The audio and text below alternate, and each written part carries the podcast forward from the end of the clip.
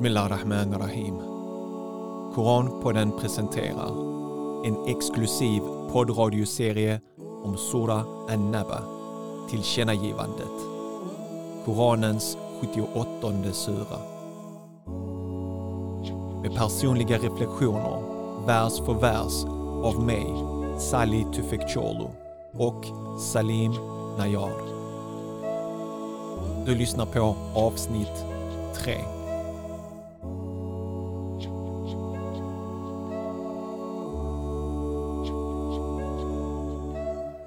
Sådär, då har vi tryckt på rec. Då spelar han in. Eh, uh, Alright, Bismillah. Då är vi tillbaks uh, hemma hos Salim i Lund. Salam alaikum Salim. Wa alaikum salam wa rahmatullahi wa barakatuh. Då ska vi köra en tredje inspelningen här om Surah An-Naba. Uh, och vi ska se hur många verser vi kommer hinna den här gången. Hur är läget annars? Alhamdulillah, det är bra. Okej, okay, så ehm, vi börjar från vers 17 för jag tror vi slutade vid vers 16 förra gången. نعم. Så kör vi. Så vers 17 lyder som följer. إن يوم الفصل كان ميقاتا Tiden för åtskillnadens dag, då de goda ska skiljas från de, från de onda, är fastställd. Avgörandets dag är förvisso en fastställd tidpunkt. Alright. Vill du kommentera först eller? نعم أعوذ بالله من الشيطان الرجيم بسم الله الرحمن الرحيم والصلاة والسلام على أشرف المرسلين سيدنا محمد وعلى آله وصحبه أجمعين السلام عليكم ورحمة الله وبركاته Eh, Det är en eh, efterlängtad eh, möte här och diskutera om Kor- Koranen. Eh, Sist var det för, ja, mer än en vecka i alla fall. Ja, Med bror, bror Hussein. om inte två till och med. Ja, eller tre. två veckor. Ja, tre veckor kanske till och med. Det är, det är glädjande att kunna mötas omkring Koranen och diskutera de här verserna som eh, berikar vår iman och vår tro. Eh, För lyssnare så kommer det att vara en vecka Mm. mellan Avsnitten. varje avsnitt. Mm. Så, men för att fixa det här arbetet så krävs det mer än en vecka. Så må Allah belöna dig Bror Salah. Eh, sist så har vi haft eh, vår eh, Bror Hussein och vi har pratat om, om de här tecken som bevisar att det finns en skapare Mm. och att det som uh, mushrikin i Quraysh hade problem med Avgudadyrkarna. avgudadyrkarna, det var att domedagen skulle inträffa. Mm. Så i arabiska så finns det ba'th och det finns ba'tha. Mm. Eh, och ba'th, det är att återupplevas och komma tillbaka. Mm. Och ba'tha, det är eh, det här budskapet som profeten sallallahu alaihi wasallam kom med. Egentligen, Qurayshiterna hade inga stora problem med att profeten Muhammed sallallahu alaihi wasallam är en eh, sanningsenlig person och att det budskapet han kom med, den är väldigt så tydlig. Mm. Och, men de hade stora problem med att en människa ska komma till liv igen efter döden. Och det är därför Allah subhanahu wa ta'ala har gått igenom alla de här verserna som vi har eh, gått igenom. Så, som har med himlen och, och berg och molnen och regn. Och Mm. Allah subhanahu wa ta'ala har verkligen påmint mig om, påmint om, om vad Allah subhanahu wa ta'ala har skapat. Varför? För att visa till dem, har jag skapat det här så kan jag återskapa det igen. Har Allah gjort någonting så kan han åter gö- göra det gång på gång. Och det, och det är det som är ba'th som, eh, som uh, Qurayshiterna hade problem med. Så, eh, så alla de här verserna går tillbaka till vers nummer ett. Amma yatasa'aluna Mm. an-naba'i al-'azim. Vad är det de frågar efter? Vad är det? Ja, sen nämner han alla verserna. Och nu säger Allah återigen, jag kan få er tillbaka efter döden. Nej. Precis, och eh, jag, jag funderade på det här. Det, detta är den yttersta dagen. Mm. Och det kallas för åtskillnadens dag då det kommer, människor kommer separeras i basically två stora grupper Mm. utifrån sin tro, men framförallt sina handlingar också. Mm. Ehm, och det är en bestämd tid. Och jag, jag tror det är så viktigt att man har den här dagen i sina tankar, att man inte glömmer bort den. Att det blir på något sätt en vägledare i, alla ens handlingar som man gör Mm. varje dag. Att det kommer en dag då det blir en åtskillnadens dag mellan de som har gjort gott och de som har gjort ont. Och det är en bestämd tid. Mm. Ehm, Rosara, jag kan lägga till där, subhanallah. Alltså i det, i det livet vi lever i, det speglas också skapelse. Så Allah subhanahu wa ta'alas eh, konst och verk i det han har skapat eh, visar att det finns domedag. Eftersom mm. det är när vi planerar, när vi gör ett universitet eller en skola, Ja. alltså vi gör att det finns bedömning, det finns, ja, eh, ja, det ser finns många paralleller till Ja, skolan. ja, ja, men eftersom skaparen är en Mm. och då, alltså om du skulle utveckla ett spel. Så kommer du lägga din egen personlighet i det spelet. Mm. Alltså så, färger du tycker om. För, ja. Men det är samma sak i den skapelse, alltså det, det vi gör dagligen är att vi avslutar allting med ett prov, med en bedömning Mm. i ett system. Tänk en, en universitet som, som inte har några prov, som inte har några ordningsregler, som inte har några värdegrund. Mm. Alltså egentligen den minireligion, alltså så här, alltså eh, det visar att när vi skapar Mm. någonting som skolan, vi skapar inte egentligen, vi tar fram någonting, Mm. ett system, så lägger vi att det ska finnas böcker, alltså det ska finnas en eh, eh, läroplan, det ska finnas bedömningssystem, det ska finnas Sen när Allah ska göra det, Mm. som har skapat oss, så, så sitter vi och ifrågasätter. Ko- Ja. Kommer det att finnas domedag? Kommer det att finnas prov? Och många som kan sitta och ifrågasätta det här med bedömning och prov och sånt här. Mm. Men det finns av en anledning. Mm. Om vi tar bort det Mm. så kommer eh, kunskapssökande eh, minskas rejält. Alltså Ja, man måste ha ett mål med varför man gör vissa saker. Du vet, alltså man kan, man kan drivas också av kärlek till Allah och sen kan man drivas av rädsla för helvetet, kärlek till paradis. Det finns liksom olika nivåer på tron. Mm. Och om man tar till exempel elever, det är många, en del drivs av kärlek till kunskap men en del drivs av resultaten också. Mm. Men när, när du sa detta så tänkte jag på, för att nu börjar vi närma oss eh, studenten. Mm. treorna läser. Och jag menar, när jag pratar med mina kollegor och så, du vet, vissa kommer, examen, de, vissa kommer få examen, andra kommer inte få examen. För du måste ha betyg i vissa ämnen, du måste ha klarat av gymnasiearbetet, Mm. få godkänt i det. Får du inte godkänt i det, då har du inte gymnasieexamen. Då Mm. måste du gå till komvux. Mm. Så jag, jag, och du vet, som vi lärare anstränger oss för att stötta eleverna. Eh, men det finns ändå prov. Du måste förbereda dig inför provet och har du förberett dig, gjort, ansträngt dig så får du goda resultat. Har du struntat i att lyssna på lärarens Mm. varningar, påminnelse, Mm. plugga nu på det här, Mm. så blir resultatet att du inte blir godkänd. Mm. Och, och, så, och det här är livets Mm. dum liksom. Att vad jag, vad jag säger, vad jag gör har konsekvenser. Eh, och jag måste reflektera över det. Mm. Och jag kan inte bara leva det här livet precis som att jag inte kommer få stå till svars för mina handlingar, vad jag säger, vad jag gör. Mm. Och När vi, alltså, vi har kommit lite längre i så skolsystem, det som är roligt är att idag pratar vi om att bedömning sker inte bara i prov.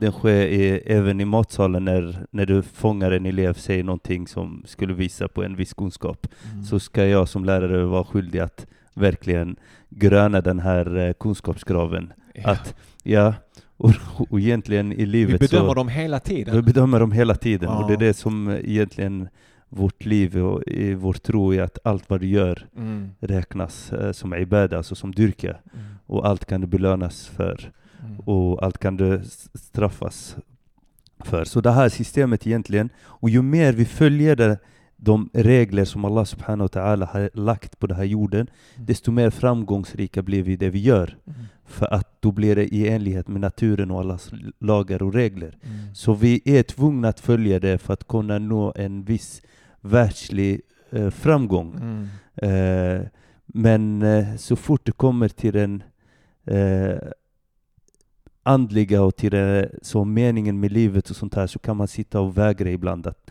nej, varför ska det finnas en... En domedag, ja. precis. Och här, subhanallah bror, jag vill nämna någonting som är oerhört viktigt i det här perspektivet. Islam är så rättvis att Allah subhanahu wa ta'ala, han bedömer utifrån våra ansträngningar. Mm. I skolan så är bedömning efter, Resultat. Vi Efter resultat. På hur mycket de anstränger sig. ja, alltså en eh, nyanländ som lägger timmar på att kunna klara av ett svenskt prov, Mm. han får bara godkänt om han når vissa kriterier. Ja, precis. Ja, men någon som har så svenska som hemspråk Modersmål. och modersmål Mm. så kan han kanske anstränga sig jättelite och få väldigt bra resultat. Mm. Allah subhanahu wa ta'ala, det här kommer skrämma vissa och kommer att ge vissa andra en hopp. Mm. Har Allah subhanahu wa ta'ala gett dig starka kognitiva förmågor, att du kan memorisera snabbt, att du kan, att du kan analysera snabbt. Det här är emot dig, alltså någonting som, som verkligen kommer på domedagen. Du kan inte vara stolt och högmodig och sånt här. Jag är smart, jag är bättre än andra. Mm. Och så sitter man och, och kommenterar och skriver inlägg på olika sociala medier och, och dissar ner alla andra som inte har den, eh, den kognitiva förmåga som du har haft. Det där är ett ansvar. Mm. Allah har gett dig, vad har du gjort med det?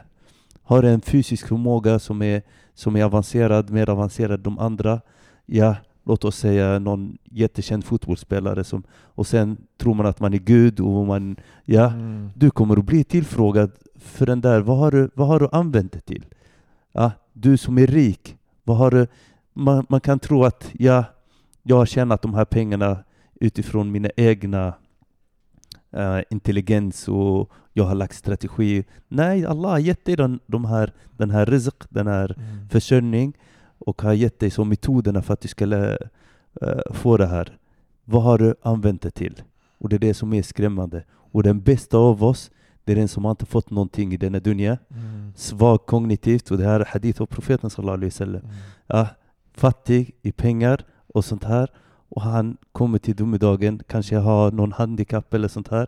Kommer till domedagen och han är fri för ansvar. Mm. Och kommer att, och det är därför barn till, eh, tillträder paradiset det, där, utan det är därför en av Sahaba också sa, jag önskar jag var ett grässtrå. Mm. För att jag är rädd på domedagen liksom. Abu Bakr Ja. sa, Mm. jag hade velat vara en fågel. Ja. Som, ja, Precis. ja. Och det är den eh, sista versen som vi kommer Mm. att ge.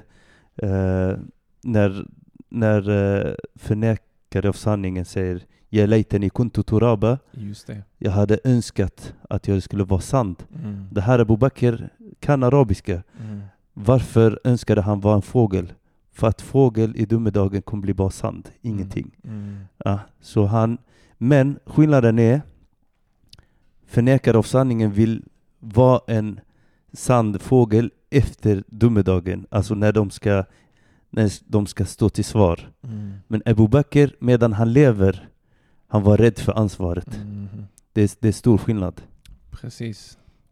Att vara efterklok Mm. eller inte. Det gäller, och det är, det, som, det är därför detta är en påminnelse. Det är därför det är så fint att kunna sitta här och diskutera det. Ska vi gå till nästa vers? Nej. Eh, vers 18 lyder يوم ينفخ في الصور فتأتون أفواجا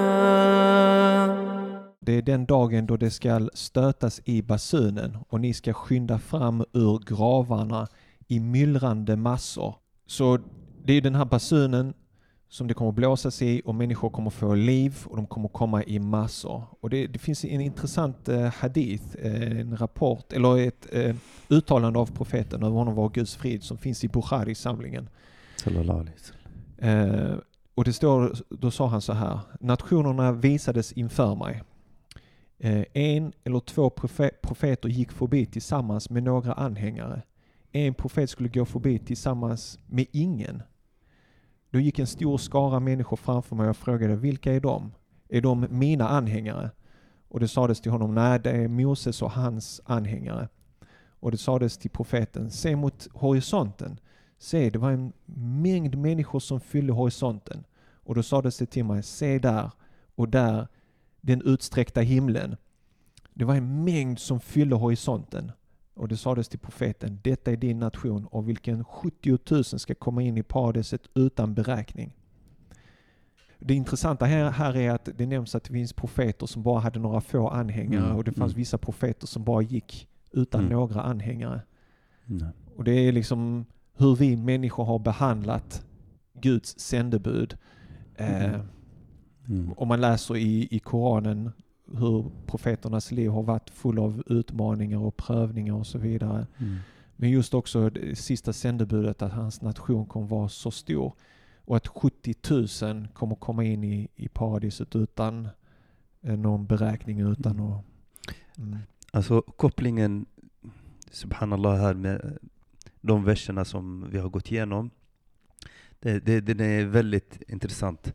För att eh, subhanallah, när vi har, när vi har pratat om alla de här eh, eh, allt Allah subhanahu wa ta'ala har skapat Mm. och det här eh, perfekta skapelse Mm. som gör att vi kan dra slutsatsen att det finns en perfekt strateg och handlingsrik eh, kraft bakom detta. Det är Allah subhanahu wa ta'ala. Eh, och nu det som har hänt i Turkiet, om jag bara Mm. backar lite Salah, så jag, kan, jag kommer tillbaka till versen. Eh, må Allah subhanahu wa ta'ala underlätta för våra syskon i Turkiet och Syrien och överallt. Det här med jordbävningen.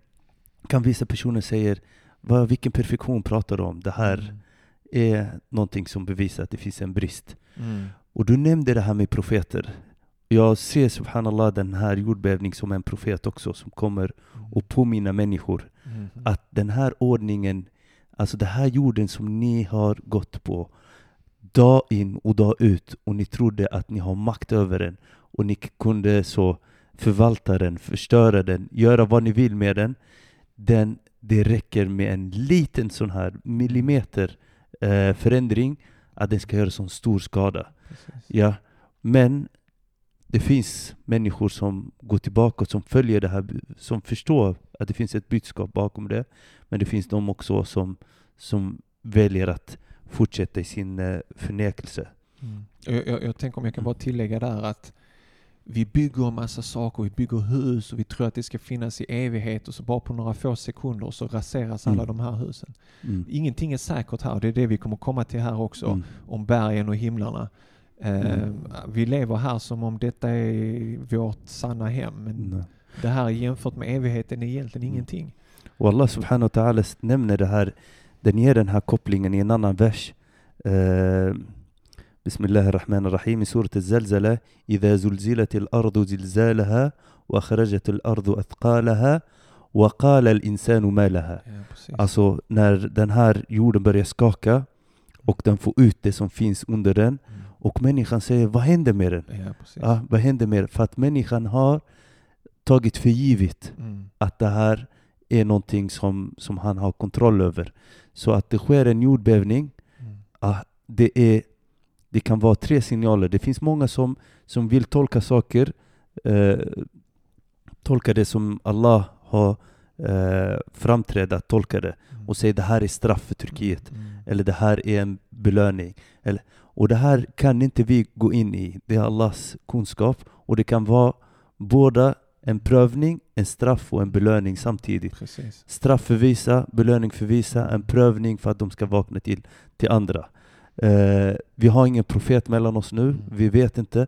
Men vi, utan tveka, vi som är åskådare, Mm. som inte har som inte är med där, som inte har förlorat någon anhörig. Det här är en prövning för oss, ett budskap. Mm. En levande profet som kommer och säger till oss, Mm. ta inte det här livet Mm. för givet. Alltså använd varje sekund. Så Precis. den dagen när vi står framför Allah subhanahu wa ta'ala och det kommer ta slut på de sekunderna som vi har haft på den här jorden Mm. och det kommer blåsas i Basunen. basunen så, så är det slut. Mm. Och då kommer vi i det här grupper. Eh, och när, det, när vi går igenom också det här grupper så eh, Shankiti, Imam Shankiti nämner att det är eh, grupper som är uppdelade efter eh, olika sorts synder. Det kan vara också så här olika som har följt en viss ström, ideologisk ström eller gruppering eller nationer. Så var och en ska följa det som han har valt att följa på den här jorden. Mm. Ja, och det, och det där en muslim bör tänka. Ska jag låta mig själv eh, släppa min egen vilja och bara följa efter vilken ström som helst, Mm. vilken gruppering, vilken sekt, vilka, ja, eller ska jag ständigt vara en sanningssökare? Mm. Och det här är islams största frihet, alltså som ger oss människan, att du är ansvarig att söka sanningen och följa efter den gruppen eh, som, som eh, är så sanningssökare. Mm. Vi kan, inte, vi kan inte äga sanningen till 100% men vi äger vår vilja att följa sanningen. Precis. Um, ska vi gå till nästa vers? Nam vers nummer 19 lyder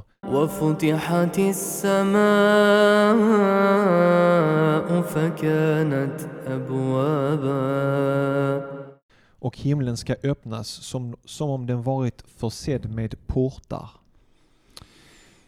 Och det är det här för att i vers 12 i den här suran så fick vi veta och att Gud hade skapat himlarna och vers 12 lyd, eh, lyder och vi har välvt sju fast hopade himlar över er. Men nu helt plötsligt när Gud pratar om den här åtskillnadens dag då pratas det om att himlarna de kommer öppnas upp och det kommer finnas portar. Och nästa vers handlar om bergen. Mm. Ska vi ta den också? Alltså jag Eller vill tänker, du stanna kvar vid himlarna? min, ja, alltså min lilla reflektion där är att, eh, Mm. subhanallah, när Allah subhanahu wa ta'ala pratar om, om himmel och, och berg, alltså från Allahs perspektiv, det är alltså så som om jag pratar om min lägenhet, alltså det finns en dörr Mm. hit och en dörr, alltså jorden, i vårt perspektiv och planeten, universum, Mm. det är någonting så här jätte, jätte, jätte gigantiskt stort. Mm. Alltså astronomiskt, det är därför vi är ja, eh, stort. Men i Allahs perspektiv så är det bara en, en dörr, Mm. alltså så här. Och det, och det är så nu, idag när vi ska kolla på, på internet, vi kan bara zooma ut och se jorden så här pytteliten Ja. och sånt där. Så när jag läste den versen, jag bara subhanallah, det här är en bevis på att Allah är, är stor. Mm. När han pratar om himmel som vi ser det så stort, han bara, för honom det är något väldigt litet. Precis. Och vers nummer eh, 20 lyder وسيرت الجبال فكانت سرابا och bergen ska tona bort som hägringar. Och det var det som, för i vers 7 pratar Gud också om himlarna och då sa han att bergen är som tältpålar, stabila, fasta. Men på åtskillnadens dag, det blir portar i himlen, Mm. himlarna kommer rämna och, och eh, bergen som är så fast och stark och vi har så många liknelser för bergen, stabilitet, fast och som jag sa till dig, jag gick på Umra och jag tittade på allting i Medina och i Mecka. Allt är Mm. förändrat men när jag tittar på bergen så vet jag att det är samma berg då Mm. under profetens tid, över honom var Guds frid som det är idag. Mm. Men på den dagen, allt som Mm. vi tar för givet, bara borta. Mm. Alltså den här universum med alla sina stjärnor och galaxer och sånt. Och det finns ju andra verser också där, där um, Sura 28, vers 88 så står det så här. Och allt ska förgå utom han som förblir i evighet. Domen är hans och till honom ska ni föras åter. Allt kommer förgås. Exakt allt. Allt som vi håller dyrbart. Om jag har samlarprylar, alltså jag tycker om att samla på böcker, allt det kommer ryka. Mitt hem kommer ryka, min bil, allt kommer försvinna förutom han. Han kommer vara den som kommer bestå. Nej. Om man tänker på det, det är Mm. ganska stort alltså. Mm. I en annan vers där, subhanallah, eh, när Allah subhanahu wa ta'ala pratar om berg, han bara, ni, ni ser att den är fast, men den rör på sig. Och, eh, och det här kommer också Allahs perspektiv på tiden. Du vet, berg rör på sig men det är små millimeter varje år eller varje eh, tio år eller hundra, hundra år. Så, men Allahs perspektiv på tiden är mycket, mycket, mycket större än vad vi har. Så vi tror att den är fast. Och Allah subhanahu wa ta'ala visar oss, ser ni det här stora berget som ni ser upp till? Mm. Och de här verserna i början där han påminner oss hur stor är bergen och hur stor är himmel och sånt här. Sen han visar från hans perspektiv. Den blir sarab. Sarab det betyder så som... Eh, s- Hägring eller ja, alltså dimma. Mm. Den kommer bara försvinna. Mm. Som damm. Mm. Och det är Allah subhanahu wa ta'ala ger saker från vårt perspektiv och från hans perspektiv. Och det där gör vår relation till Allah subhanahu wa ta'ala. Så de människor som lägger otroligt mycket tid för att kunna förstå Allah, Allahs egenskaper och attributer så bokstavligt eller försöker hitta metaforer som är väldigt så abstrakta. Ja, Koranen i sig, genom att studera den och sånt här, kommer du få den mest, den närmaste bilden om vem Allah subhanahu wa ta'ala är. Mm. är. När du ser berg och du står framför den och du ser wow så stor den är. Och du känner dig så liten. Mm. Och sen du ser den här versen, Allah subhanahu wa ta'ala, han nämner berg som, en, som ingenting, Mm. så kan du börja förstå Allahs storhet. Och du kommer aldrig förstå det. Ja. Men den kommer att ge dig det en, växer, den växer en frö av att lära känna Allah subhanahu wa ta'ala.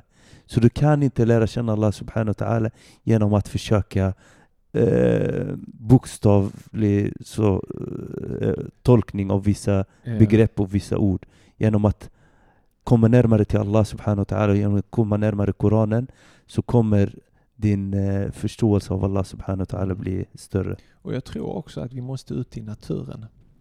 Mm. Jag läser en eh, amerikansk eh, författare som heter Henry David Thoreau. I USA är han en jättekänd författare. Han tillhör klassikerna. Mm.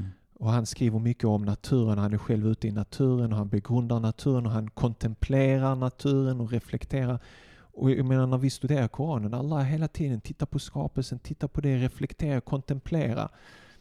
Istället för att sitta hemma och vara en filosof och titta, ja, men vad menas den här Guds Mm. namn, vad betyder detta? Och så tittar man på grammatik.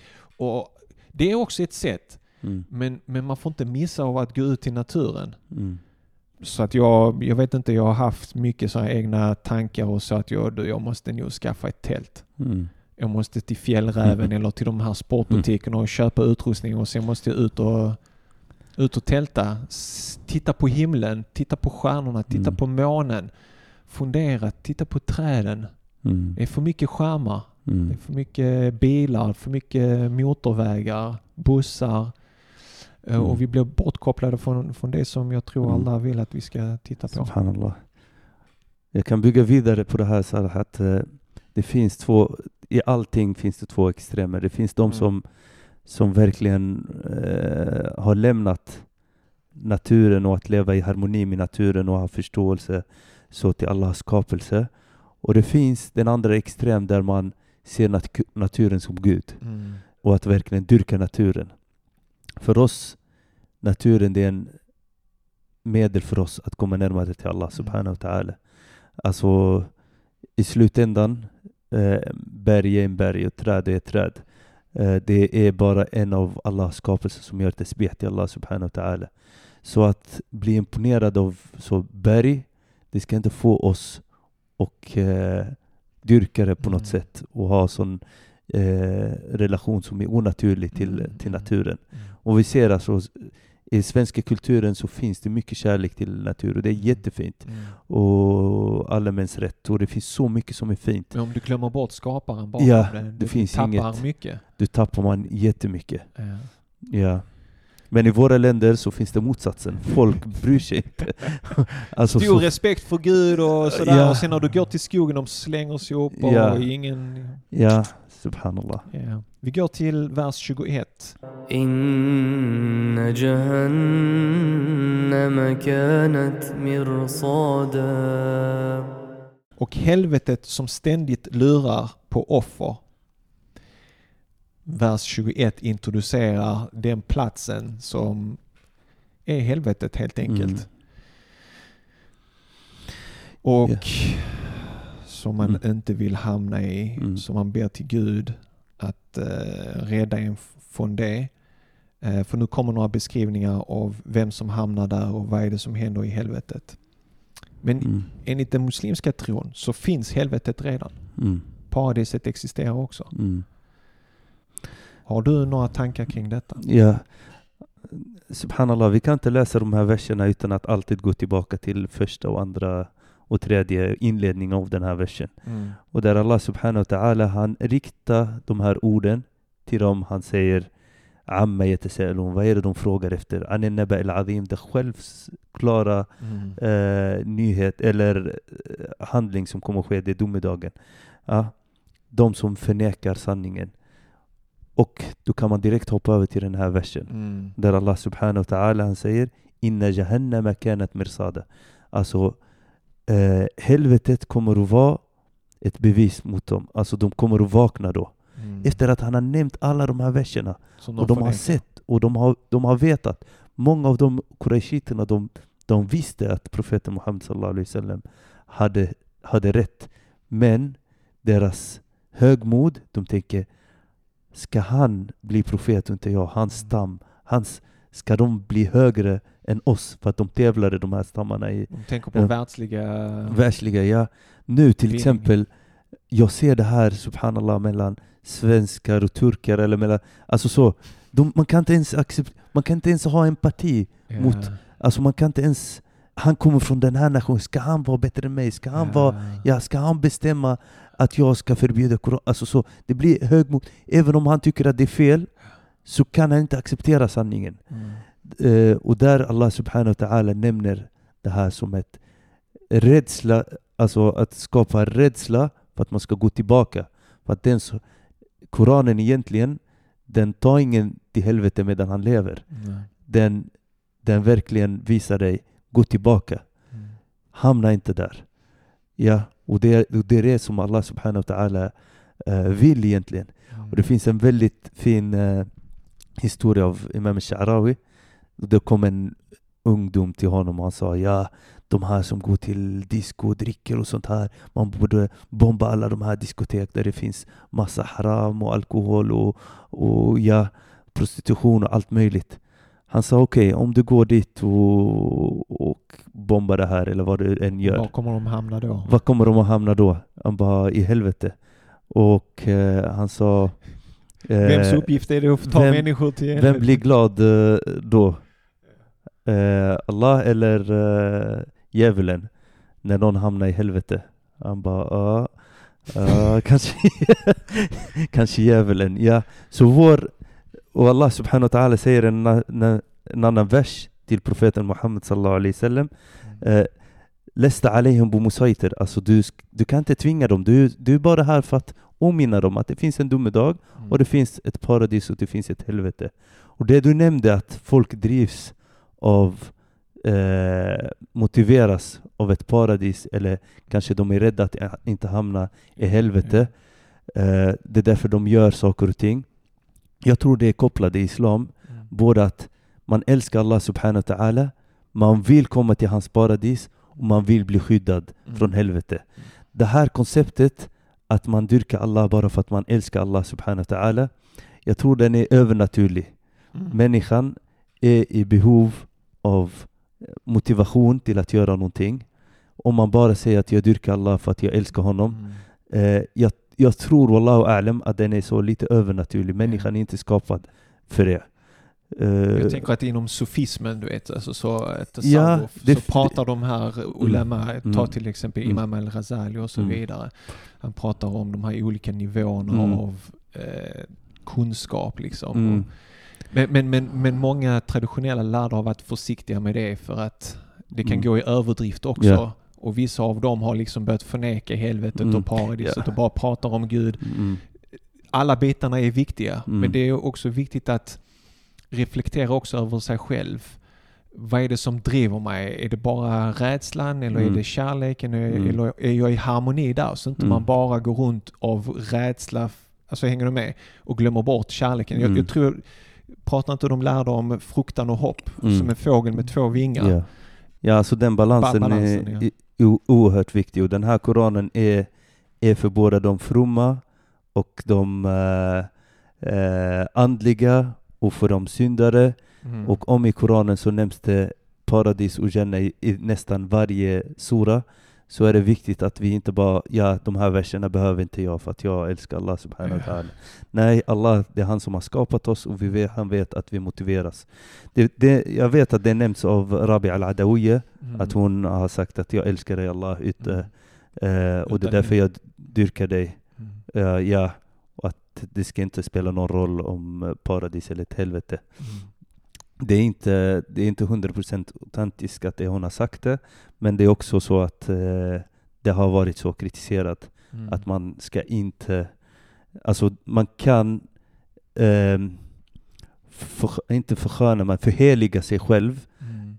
eh, att, att det blir någon form av dyrka, att man dyrkar sig själv. Jag är Ja. så bra att jag inte är rädd för paradis eller för helvete. Ja, man kan, Ja. gå till den, man kan Mm. falla i den fällan Mm. också. Absolut. Ja, ska vi till nästa vers? Yes. Vers nummer 22 lyder Littorina ma'aba ska välkomna de trotsiga syndarna. Så helvetet är för de trotsiga syndare. Har du någonting du vill reflektera där eller? Ja, alltså det är en självklarhet. Eh, det här med rättvisa vi ser så mycket orättvisa på den här jorden. Och eh, jag har svårt att önska någon att hamna i helvete. Men de senaste åren efter det som har hänt i arabiska våren och vissa länder och jag har sett den här grymheten vissa människor kan Mm. göra. Alltså så här. Och jag har inte mer rahma än vad Allah har mot de här människorna. Jag visar människor som har mördat och våldtagit och jag önskar dem inget annat än att hamna i, i, i helvete om de inte ja, gör en uppriktig Mm. tauba, ånger. Så det är inte rättvist att Mm. det här ska ske och att alla ska dö och alla ska hamna i paradiset. Mm. Så ja, jag har inte mer rahma än vad Allah har. Mm. Så de människor som påstår att ett helvete ska inte finnas och varför så Allah subhanahu wa ta'ala eh, ska straffa människor om han är Mm. barmhärtig. Ja, det är för att Allah också han är barmhärtig och han är rättvis också. Mm. Så rättvisa koncept är jättestarkt i Islam. Precis. Mm. Det, det, det finns väldigt ondskefulla människor som gör fruktansvärda grejer och som planerar Mm. ehm, och som bara ser sig själv och som inte har Mm. någon nåd eller barmhärtighet för Ja. någon annan än för sig själv. Ehm, ja. Och ehm, Och det- dom, jag, domen överlämnar man Mm. till Gud Mm. och den dom kommer vara rättvis. jag kan lägga mellan parentes, jag vill inte nämna hans namn, men den som har bränt Koranen. Vi muslimer, subhanallah, ibland har vi fel perspektiv på vissa saker och ting. Allah subhanahu wa ta'ala han förlåter det som mellan honom och sin tjänare. Den här människan är skapad av Allah och han bränner hans ord. Men han kommer inte förlåta det som är mellan människan och människan. Den här Mm. människan är eh, anmäld för att vara pedofil. Mm. Och han, egentligen muslimer borde reagera mer Mm. mot pedofili, mot rasism, mot och den här, de här orättvisorna. Att skatt, skattepengar ska gå till en, eh, en sån här eh, individ. Alltså alla de här orättvisor som, som den här människor har, har utfört, Mm. det lägger vi så sekundärt. Men att bränna Koranen och Allahs ord eh, lägger vi det, trots att det är Allahs ansvar. Han säger Mm. inna nazzalna al-Quran wa inna Alltså vi har eh, uppenbarat Koranen och vi kommer att skydda den. Mm. Ja, alltså att han bränner en, en översättning av Koranen eller sånt här, det är, det är inte så, så viktigt. Men Ja, alla men vi de här har, vi har, jag tror vi har fallit i hans fälla. Mm, Så Turkiet säger mm, vi kommer inte släppa in er i NATO förrän ni stoppar koranbränningarna mm, och tills ni slutar att hänga Erdogan-dockor utanför ambassaden. mm, Svenska muslimer som har ett djupare perspektiv säger vänta nu, det där är bara ytan. mm, Det, I samhället finns det djupa problem. Människor diskrimineras på arbetsmarknaden. Eh, bostads... Eh, på, I i Diskriminering. bostadsdiskriminering, precis. Folk blir mobbade. orättvist behandlade, eh, stigmatiserade, döms på olika sätt i fängelser än andra. Och man glömmer bort de orättvisorna. Mm. Så, så han får oss att bara tänka på koranbränningen och glömma Mm. bort de djupare Mm. systematiska rasismen som finns i samhället. Mm. Jag satt bara och tänkte häromdagen, subhanallah. Om du kommer ihåg Salah, så i 90-talet och sånt där. Det var väldigt vanligt att en muslim kan bara lägga bönematta i någon park och be. Ja, ja, ja. Ja, alltså man kunde se det här vanligt, man kunde visa att man är muslim. Eh, idag är vi fler, flera muslimer alltså i landet, alltså svenska muslimer, och man ser inte det här fenomenet längre. Mm. Och det tyder på att systemet och vårt land har blivit så islamofobiskt Mm. att folk har bytt deras namn. De vill inte visa att de är muslimer. De kan inte bara ta fram en bönematta och be. Eh, det här, allt det här är en bevis Mm. att ja, det finns så mycket orättvisor mot, Mm. mot muslimer idag. Men eh, vi väljer att reagera för dem. Ja, egentligen det är, na- det är en naturlig reaktion. Mm. Det är, det är inte alla människor som kan lägga finger på såret och säga det här eh, är orättvist. Det är många som upplever orättvisa, men när det blir så uppenbart som att bränna Koranen, Mm. då reagerar de. Mm. Men att deras känsla att de inte kan döpa sitt barn till eh, Mohammed eller Abdurrahman eller så Abdullah för att han kommer inte få jobb, han kommer inte få bo. Ja, Eh, ja, precis. den här kan han inte, för den är osynlig.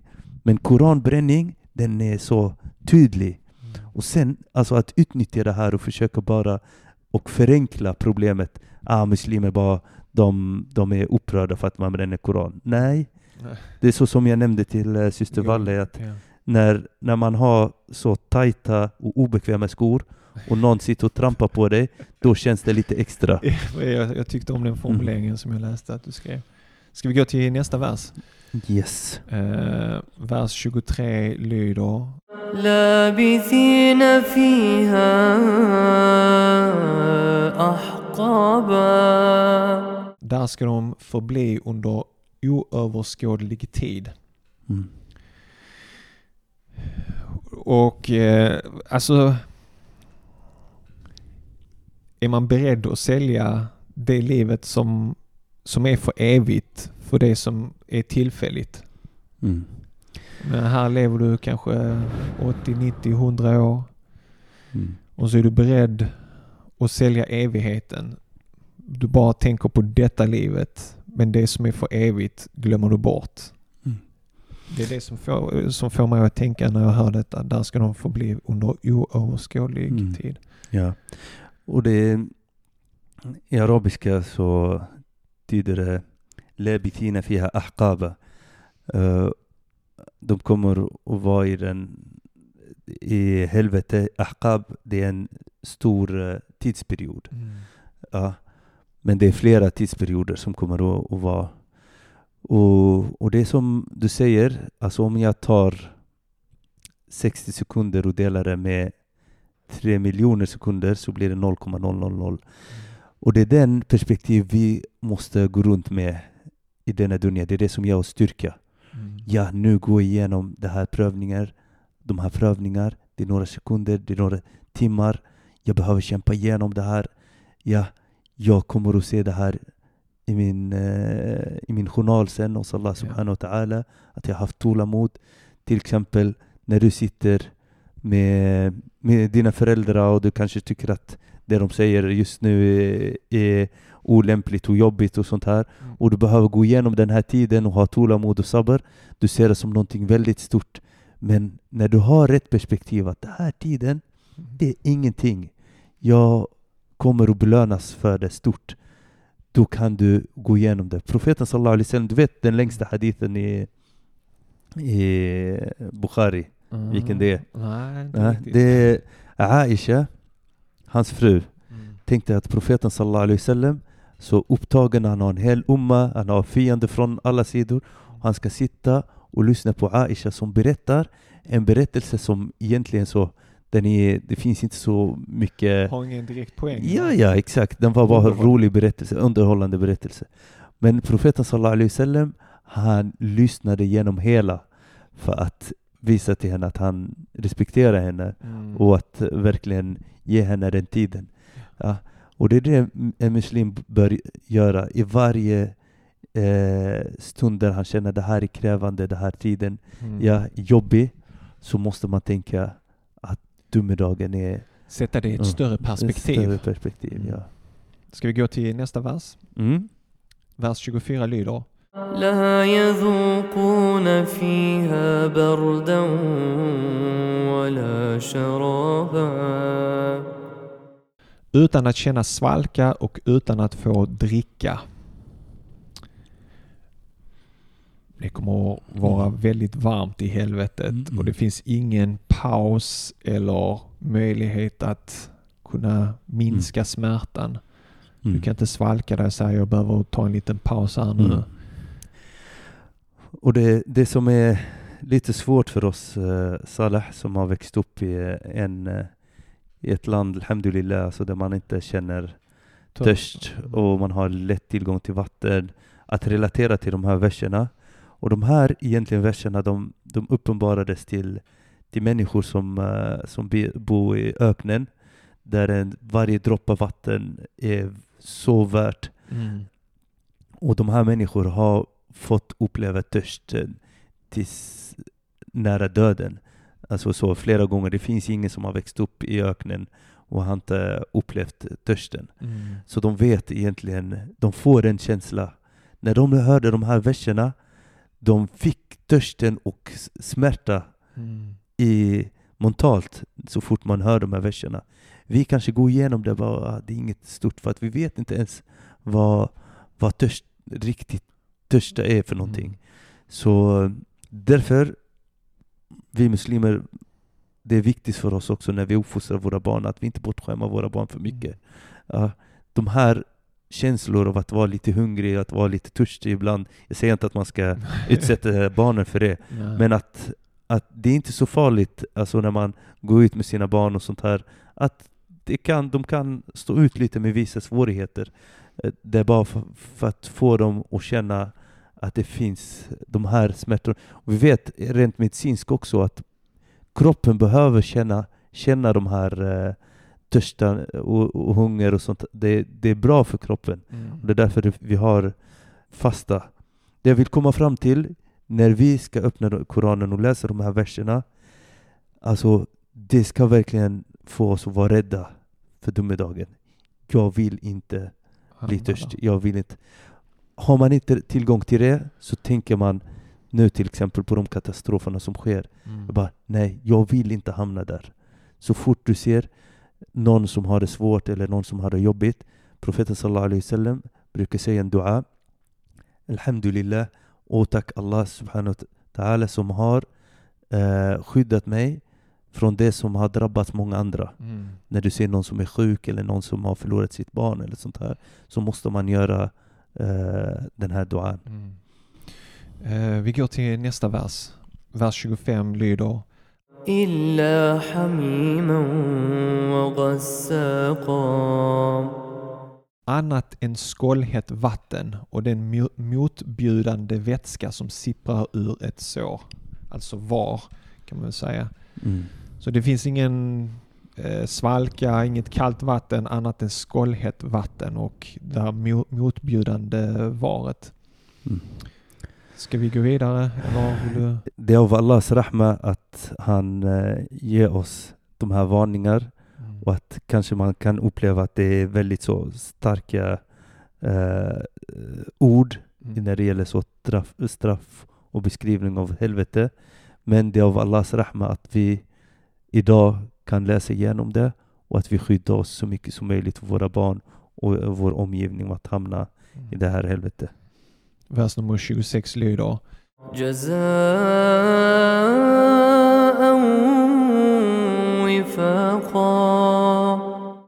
En lön som svarar mot deras handlingar. Det är vad, vad man har gjort. Mm. Det är inte så att du hamnar i helvetet av orättvisa eller för att du har en viss hudfärg eller en viss, viss kön eller etnicitet. Och sånt. Det är ditt handlande. Vad har du gjort med ditt liv? Och människor som får utstå den här fruktans, det här fruktansvärda straffet har utfört fruktansvärda handlingar. Och man måste alltid försöka koppla det till ens egna liv. Hur handlar jag? Vad gör jag med mitt liv? Hur behandlar jag mina medmänniskor? Vad gör jag? Om jag nu ska återuppstå med en grupp av människor, vilken grupp av människor vill jag återuppstå med? Om jag vill återuppstå med en viss grupp av fromma människor, fina människor, vackra människor, vem umgås jag med idag? Mm. Jag menar om jag umgås med onda människor och människor som inte bryr sig och du vet, gör dumma saker.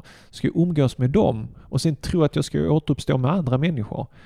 Eh, Jag, jag tror det är jätteviktigt att tänka kring de här sakerna. Om vi tar nu till exempel jordbävningen i Syrien och Turkiet. Människor gick till sina hem. Det tryggaste du har, det är ditt hem. Sov där och sen vaknar de inte nästa dag. Men Gud har gett dig en gåva att fortsätta. Du har en ny dag du kan eh, vakna upp till. En ny dag att göra gott.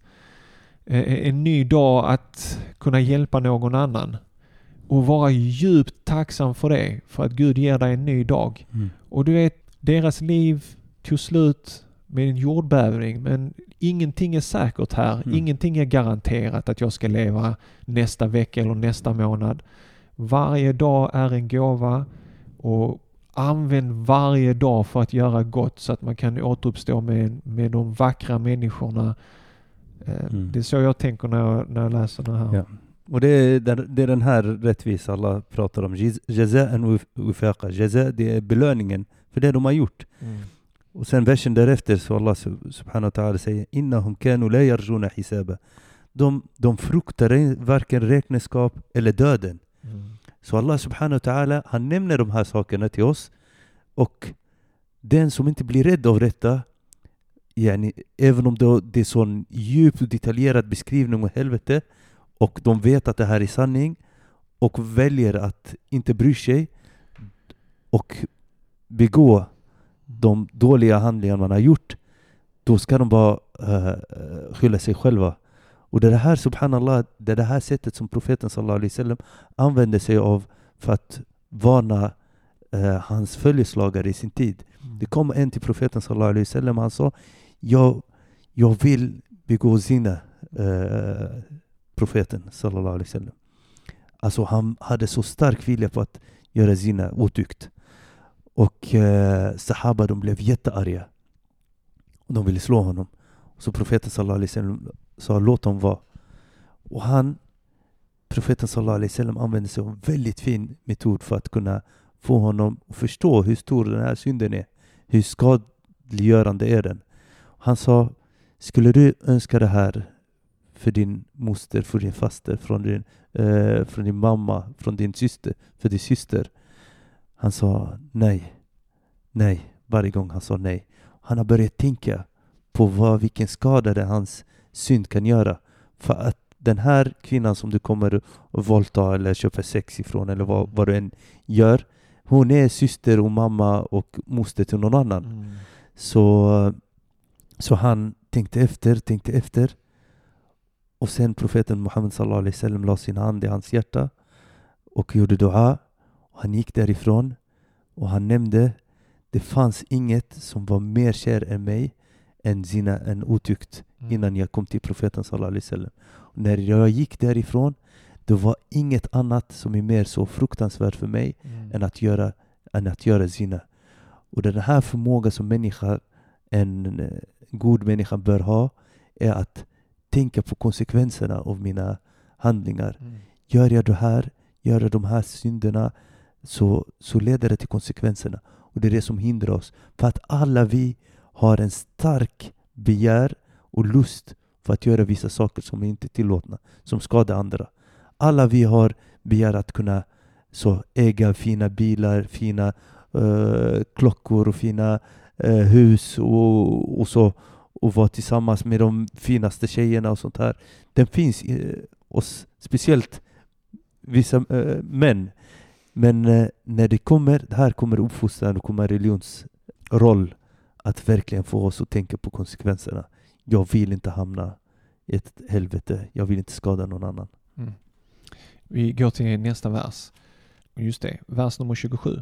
إنهم كانوا لا يرجون حسابا De fruktade varken räkenskapen eller domen. Det var den som du Mm, läste ja. från, så vi fortsätter. وكذبوا بآياتنا كذابا Vers 28. Och de förkastade alla våra budskap som lögn. Så de trodde inte på budskapen som kom, profeterna och så vidare. De sa det där är bara ren lögn. Mm. Ska vi gå vidare till nästa vers? Ja, men här är det tre eh, budskap. Det finns det profeterna kom med, som ska påminna dig om Mm. det som finns inom dem, fötterna. Och den tredje är allt som Allah subhanahu wa ta'ala har skapat för dem. Mm. Så det är tre perspektiv som du har valt att förneka. Det är inte bara profeter, Nej. det är också fitra som finns inom dig. Fitra det är den här naturliga Mm. tillstånd som kallar dig till att tro på, på Gud Mm. och på alla budskap som kommer framför dig I och det har vi skapelsen, gått- ja, i naturen, skap- det som mm. Gud gick igenom i de första verserna. وكل شيء أحصيناه كتابا Och sen så går vi till vers 29. Men allt vad de har gjort har vi fört upp i en bok. Allt vad du gör nedtecknas. Allt vad du säger nedtecknas. Tänk innan du talar. Tänk innan du handlar. Och eh, jag lyssnar på sådana här, du vet, amerikanska produktivitetsgurus. liksom, hur ska man bli produktiv och effektiv? Och, Mm. och då tänker de så här, tänk på när du dör och människor samlas kring din grav. Vad vill du att de ska säga om dig? Mm. All right. Och jag funderar på det, det, det, that's deep. Om jag vill att de ska säga vissa saker då måste jag handla på ett visst sätt. Så att när jag dör så kommer människor säga, men det här var, you know. Men jag skulle kunna vara fake, skulle jag inte kunna vara det? Mm. Man skulle kunna hitta på grejer och folk bara, ah, men han var bra. Ja, men då har du fått också din belöning. Att folk Av så- människor, ja. precis. Men istället så kanske man som muslim ska tänka på vad vill jag att det ska stå i min bok? Eller det som nedtecknas Mm. utifrån mitt handlande. Vad ska stå där i den boken? När jag möter Gud Mm. och, han, och mina handlingar visas för mig. Vad vill jag att det ska stå där? Subhanallah. Ja. Och jag menar, det, det, är, det är tufft. Mm. Det är svårt. Mm. Vet, vi är människor, vi är bristfälliga, vi gör fel, vi säger fel. Vi faller, vi försöker stå upp igen. Och det som är det viktigaste att ta med här, tänker jag, är att komma ihåg att Gud är barmhärtig, förlåtande och ger chans på chans på möjlighet. Och vi är människor, vi kommer göra fel. Men att vi kan göra tauba, ångra oss och komma tillbaka och sträva och kämpa. Det är det här som vi pratar om jihad liksom. Mm. Strävan. För du vet avsikten, varför gör jag saker och ting? Att göra det av en ren avsikt utan hyckleri. Att älska din medmänniska och sätta människor före dig själv. Mm. Det är ingen lätt eh, journey. Nej, nej. nej. Subhanallah, så, alltså, även när vi pratar om eh, eh, alla tera terapier, alltså när man inte mår bra och sånt här, så brukar de alltid säga att man ska skriva en loggbok där man ska teckna Exakt. ja, vad man har gjort under dagen och försöka Ja. förändra vissa beteendemönster. Och Exakt. även lärare har alltid så här att Ja. man ska skriva sina lådböcker för att kunna ja, reflektera över det man har gjort under en projekt eller Ja. så vidare. Och, och som sagt, har vi människor kommit på det här eh, så är det för att det ger nytta. Och det, att, att i religionen, och det är från flera hundra år, flera tusen år i de andra eh, eh, böcker, så, så är det här av en anledning. Så sitter jag här själv och jag tänker nutiden går. Det går en del av mig som håller på att dö ut. Och jag kommer bara närmare till min eh, grav. Mm. Eh, ska jag vara tyst? Inga belöningar, inga synder. Ska jag sitta och ha dåliga tankar men inte utföra dem så är det ändå bra. Men ska jag göra någonting dåligt så Ja. är det synder. Så Allah subhanahu wa ta'ala ger dig möjlighet. Den här religionen är så full av möjligheter för att göra gott. Att börja fylla i det här, eh, den här boken med bra saker. Mm. Kan man inte göra någonting? Så bara subhanallah, alhamdulillah, Allah akbar. Och du sitter och planterar ditt, dina trädgård i paradiset. Mm. Ja, och tar bort dina synder. Ja, astaghfirullah, astaghfirullah. Ja, och så vidare. Det är därför dhikr är oerhört viktigt i islam. Där nere bara, du investerar din tid i någonting som är, som är gott. Och, det och man väljer alltså, subhanallah, hur man vill ha den här boken. Vilka... Precis, du skriver den du boken. du skriver alla, alla, boken. är, alla är subhanallah författare. Om du alla vill det eller inte Ja. så är du en författare och du skriver din fint. bok. Oavsett du vill eller inte. Exakt. Ja. Ehm, Och det är därför, subhanallah, det är alltid eh, det sista du skriver är det viktigaste mm, i vår, eh, i vår tro. Precis. Så, Och du vet aldrig när du skriver den sista Mm, raden. Den, mm. den sista raden kan vara när som helst. mm. Ja. Må Allah skydda oss. Amin. Det har varit fantastiskt Salim att vara hemma hos dig och få reflektera över de här verserna eh, tillsammans med dig. Eh, alltid lika upplyftande och eh, tankeväckande. Inshallah är det Mm. tankar och reflektioner som förverkligar sig, Mm. förverkligar sig i våra liv. Ja, alltså jag måste bara berätta en sak som är oerhört viktig i vår tro. Mm. Du vet om vi skulle ha bett Maghrib med de här eh, verserna så är det inte tillåtet att man bara stannar här där vi har stannat.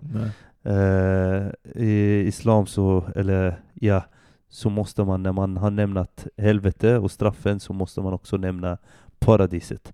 Så att stanna vid verserna av eh, straff Inte Eh, rekommenderat. är inte rekommenderat. Ja, man måste fortsätta.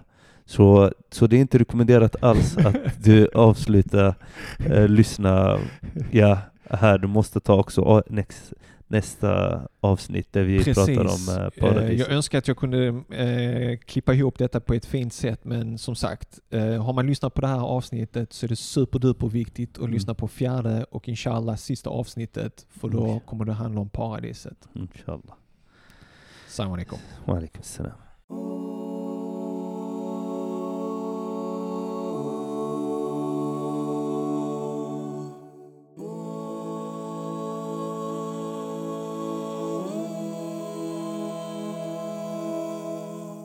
Du har lyssnat på första avsnittet i vår nya poddradioserie om Sura An-Naba. Med personliga reflektioner, vers för vers, av Sali och Salim. Sura An-Naba, tillkännagivandet, är Koranens 78 sura, var i vi får ta del av budskapet om människans liv efter den fysiska döden, det vill säga uppståndelsen, och Guds yttersta dom. Nästa vecka fortsätter serien. Eventuella frågor, kommentarer eller funderingar över seriens innehåll tas emot via mail. Maila till hejkoranpodden.se